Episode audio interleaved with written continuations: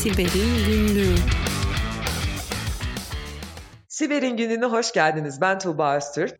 Ben Murat Lostar. Hoş geldin Tuğba. Nasıldı seyahatin? Güzel geçti ama tekrar olsa gitmem.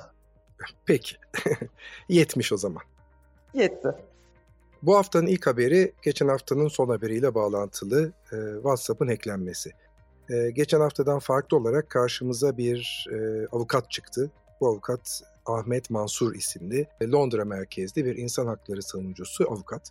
Bu avukat e, ortaya çıktı ve dedi ki ya benim başıma da ilginç bir şey geldi. Ben WhatsApp'tan arandım sesli görüntülü arama. Normalde beni kimse böyle aramaz. O yüzden de e, açmadım ama o arada birkaç kere aradım. Birinde açtım ama ne olduğunu da anlamadım. Kimse ses gelmedi falan filan dedi. Bu arada neler olmuş acaba diye merak edip kendisi gidiyor ve bu konuda araştırmalar yapan e, Citizen Lab'a başvuruyor. Diyor ki benim başıma böyle bir şey geldi. Onlar da araştırdığında NSO Exploit'in, NSO grubun daha önce yazmış olduğu işte aslında casus yazılımın bir önceki sürümüne ulaşıyorlar. Ve bunun üzerine bu bilgiyle de birleşerek aslında Ahmet Mansur bir taraftan NSO gruba karşı çalışmaya başlıyor. Sen benim kişisel haklarımı aslında zararı uğrattın, uğratıyorsun, benim gizlilik hakkımı zarar uğratıyorsun gibi. Bu biraz anladığım kadarıyla WhatsApp'ın sahibi Facebook'un da dikkatini çekmiş. Facebook da bunun üzerine aynı davanın bir parçası haline gelip acaba NSO gruba dava açabilir miyim diye kendi kanuni becerilerini, yetkilerini e, ya da haklarını biraz araştırma yoluna gitmiş gibi bir haber var bu haftaki ilk haberimiz. Tuğba ne dersin? Evet bir insan hakları ile ilgili çalışan bir hukukçunun başına bunun gelmiş olması çok ilginç zaten. E, araştırdığımız zaman bunun genellikle bu saldırının hedefinde genellikle gazeteciler, siyasiler, e, işte farklı ülkelerin yöneticileri, bürokratların falan olduğunu görüyoruz.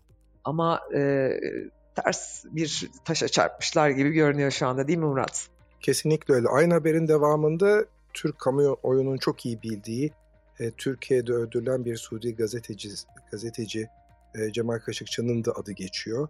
E, rivayete göre oradaki ajanların Türkiye ziyareti vesairesi sırasında olup bitenleri izleyebilmek için e, aslında yine Pegasus tarafından, Pegasus isimli kötü niyetli yazılım tarafından, geç hafta da vurgulamıştık, o kişinin ve arkadaşların telefonları ve buradaki bilgileri de ulaşmaya çalıştığı devletin gibi bir bilgi var aynı haberin devamında. E, bir açıdan tabii ki suçların yakalanması e, herkesin isteyeceği bir şey. Fakat diğer taraftan da kişisel hak ve özgürlüklerimiz Ahmet Mansur'un da söylediği gibi oldukça önemli. Bu arada bir e, dava bizi bekliyor gibi duruyor.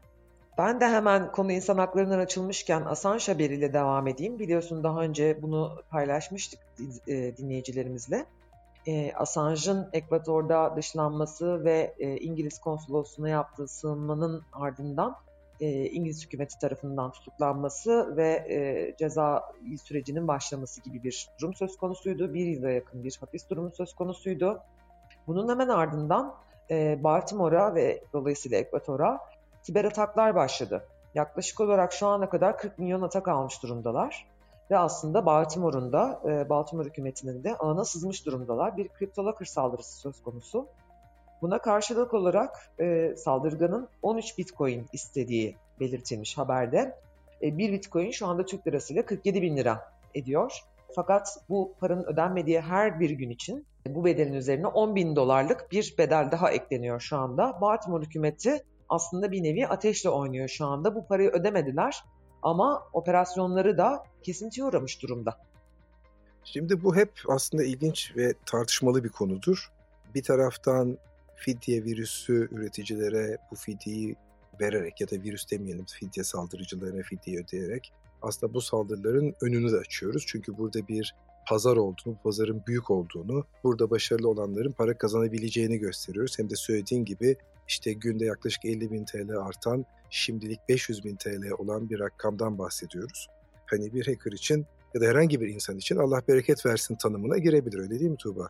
Evet kesinlikle Ama öbür taraftan da hani eğer bir devlet şeyi kurumu çalışamaz hale geldiyse o da başka bir sıkıntı tabii. Evet, ne, ne derece çalışamaz hale geldiklerini bilmiyoruz tabii. Ellerinde iyi backup'lar varsa, alternatif e, ağ yedekliliği vesaire varsa bir şekilde işlerini sürdürebilirler. Ancak e, yapılan yorumlara göre şu anda e, 7-24 up and running e, sistemleri yok. Dolayısıyla şu anda aslında bir nevi ateşle oynuyorlar. Aynen öyle. Bugünkü üçüncü haberimiz hafta başından. Ee, yine ne yazık ki bir başka Facebook şirketine ait ya da Facebook markasına ait, Instagram'a ait. BBC'de ben haberi ilk rastladım ama biraz araştırınca geriye dönük, dönüp ilk haber e, TechCrunch'ta karşıma çıktı. Zach Whittaker'ın haberi. Hafta başında e, Amazon Web Services'teki herhangi bir parola korumalı olmayan bir veri tabanında Instagram'a ait, Instagram'ın e, milyonlarca kullanıcısına ait çeşitli bilgiler, isim, hesaplar vesaire, iletişim bilgileri gibi bilgiler ortaya çıkmaya başladı. İşte ilk başta baktıklarında 49 milyon kayıt. Instagram'da tabii milyarlarca belki kayıt var ama bu 49 milyonun şöyle bir özelliği var. Bunlar herhangi kullanıcı değil. Bizim internet fenomeni dediğimiz İngilizce'de influencer denen ya da ünlü insanların ya da özel büyük markalara ait hesaplara ait bilgiler.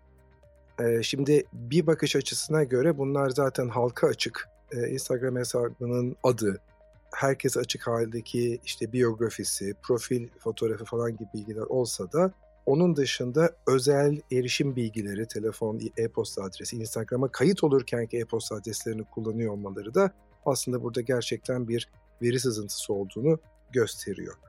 İlk olarak Anurag Sen bu veri tabanını fark edip tekrarca bunu bildiriyor.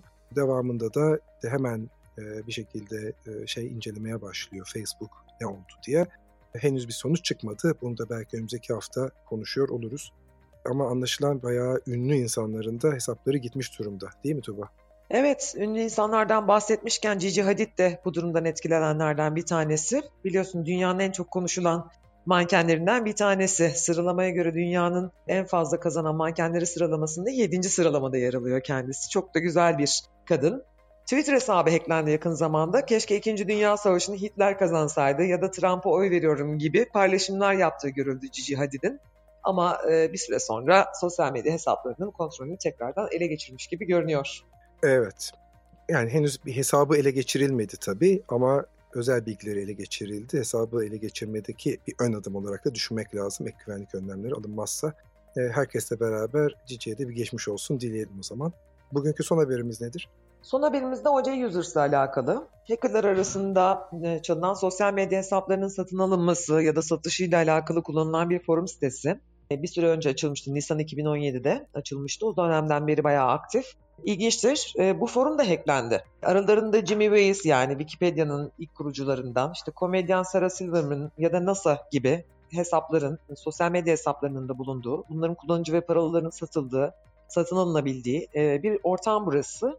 Ama tabii ki e, haberde e, belirtildiği üzere e, gemiyi ilk önce fareler terk ediyor. Dolayısıyla şu anda hackerlar bu forumu terk etmek durumunda kaldılar. Evet ben web sitesinin ismine de dikkat çekmek istiyorum. OG Users, Users kullanıcılar demek. OG Original Gangster demek. Bu da şey nasıl Türkçe'ye çeviririz işte orijinal gangsterler. Orijinal gangsterler yani hani evet e, işte orijinaller burada orijinal isimlerini satıyorlar. Ne gibi isimler daha çok para ediyor burada? İşte öncelikle kısa olan şeyler mesela bir işte digit, e, bir Twitter adı at a herhalde çok pahalı olsa gerek. Ya da cool isimler işte at hacker gibi ya da az önce söylediğim gibi ünlü insanların ya da markaların isimleri e, burada her zaman para bulup alıp satılıyordu. Fakat tabii hackerlar hack edilince bir dakika şimdi ne oluyor deyip onlar önceden kaçmışlar anlaşılan. Çok şaşırtıcı değil bir açıdan. Evet, iyi takip etmişler, yakalamışlar bunu. Evet. Bu haftalıkta bu kadar sanıyorum. Ee, önümüzdeki hafta daha önemsiz haberlerle bir araya gelmeyi umuyoruz ama ne yazık ki gittikçe daha önemli haberleri konuşmaya başladık. Herkese keyifli, güvenli haftalar. Hoşçakalın. Güvenli haftalar. Hoşçakalın.